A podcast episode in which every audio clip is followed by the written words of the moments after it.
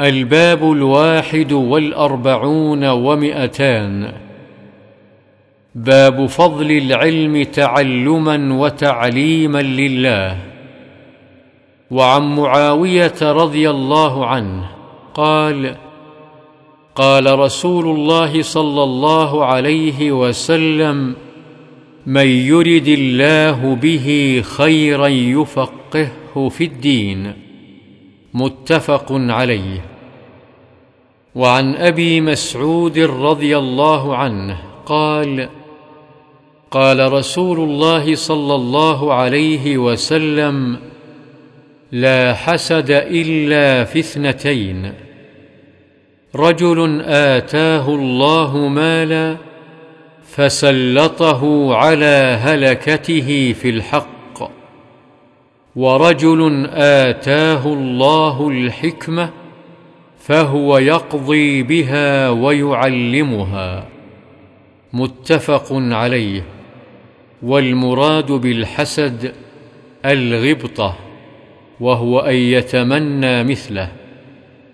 وعن أبي موسى رضي الله عنه قال قال النبي صلى الله عليه وسلم مثل ما بعثني الله به من الهدى والعلم كمثل غيث اصاب ارضا فكانت منها طائفه طيبه قبلت الماء فانبتت الكلا والعشب الكثير وكان منها اجادب امسكت الماء فنفع الله بها الناس فشربوا منها وسقوا وزرعوا وأصاب طائفة منها أخرى إنما هي قيعان لا تمسك ماء ولا تنبت كلأ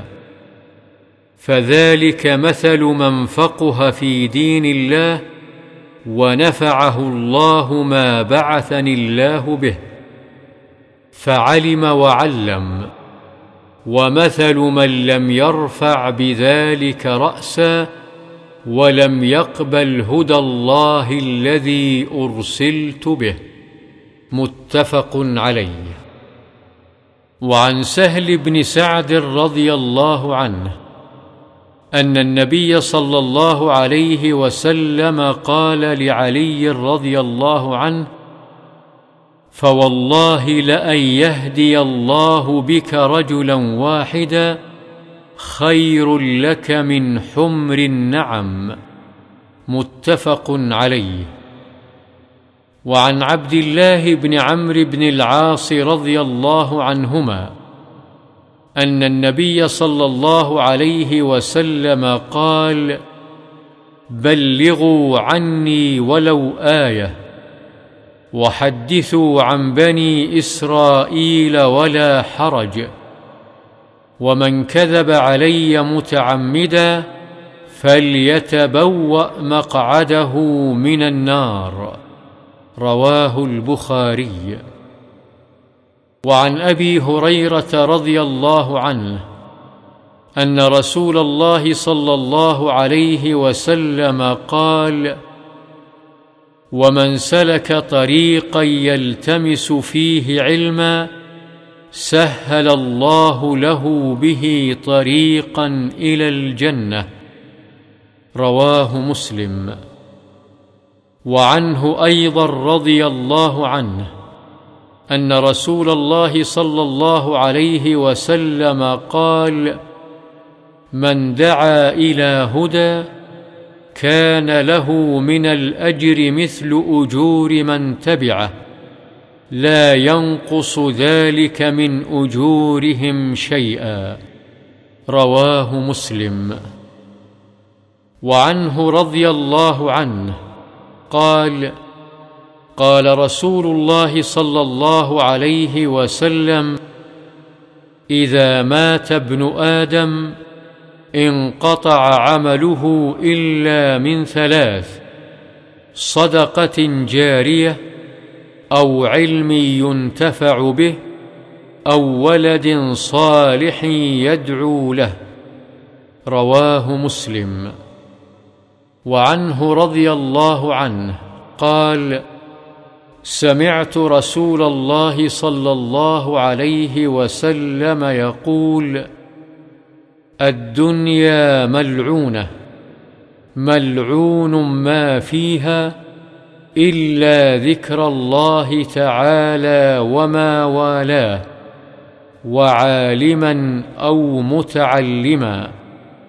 رواه الترمذي وقال حديث حسن. وعن أنس رضي الله عنه قال قال رسول الله صلى الله عليه وسلم من خرج في طلب العلم فهو في سبيل الله حتى يرجع. رواه الترمذي وقال حديث حسن. قال الشيخ الألباني رحمه الله إسناده ضعيف. وعن أبي سعيد الخدري رضي الله عنه عن رسول الله صلى الله عليه وسلم قال لن يشبع مؤمن من خير حتى يكون منتهاه الجنة رواه الترمذي وقال حديث حسن قال الشيخ الألباني رحمه الله بل هو ضعيف. وعن أبي أمامة رضي الله عنه أن رسول الله صلى الله عليه وسلم قال فضل العالم على العابد كفضلي على أدناكم. ثم قال رسول الله صلى الله عليه وسلم ان الله وملائكته واهل السماوات والارض حتى النمله في جحرها وحتى الحوت ليصلون على معلم الناس الخير. رواه الترمذي وقال حديث حسن. وعن أبي الدرداء رضي الله عنه قال سمعت رسول الله صلى الله عليه وسلم يقول من سلك طريقا يبتغي فيه علما سهل الله له طريقا إلى الجنة وإن الملائكة لتضع أجنحتها لطالب العلم رضا بما يصنع. وإن العالم ليستغفر له من في السماوات ومن في الأرض حتى الحيتان في الماء.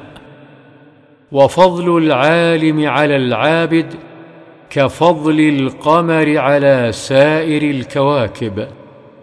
وإن العلماء ورثة الأنبياء وإن الأنبياء لم يورثوا دينارا ولا درهما وإنما ورثوا العلم فمن أخذه أخذ بحظ وافر رواه أبو داود والترمذي.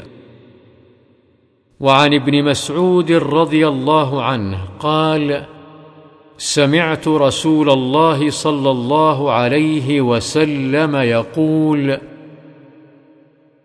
نظر الله امرأ سمع منا شيئا فبلغه كما سمعه فرب مبلغ أوعى من سامع. رواه الترمذي وقال حديث حسن صحيح. وعن أبي هريرة رضي الله عنه قال قال رسول الله صلى الله عليه وسلم من سئل عن علم فكتمه ألجم يوم القيامة بلجام من نار رواه أبو داود والترمذي وقال حديث حسن.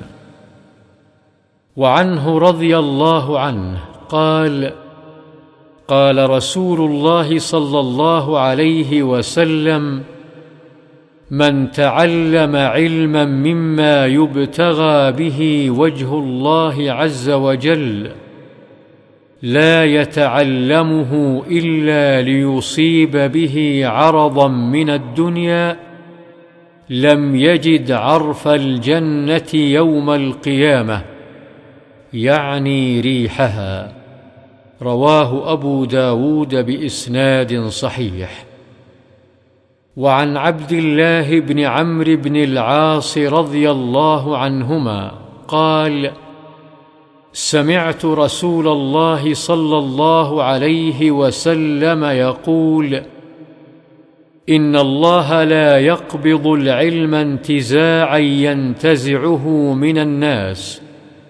ولكن يقبض العلم بقبض العلماء حتى إذا لم يبق عالما اتخذ الناس رؤوسا جهالا فسئلوا فأفتوا بغير علم فضلوا وأضلوا متفق عليه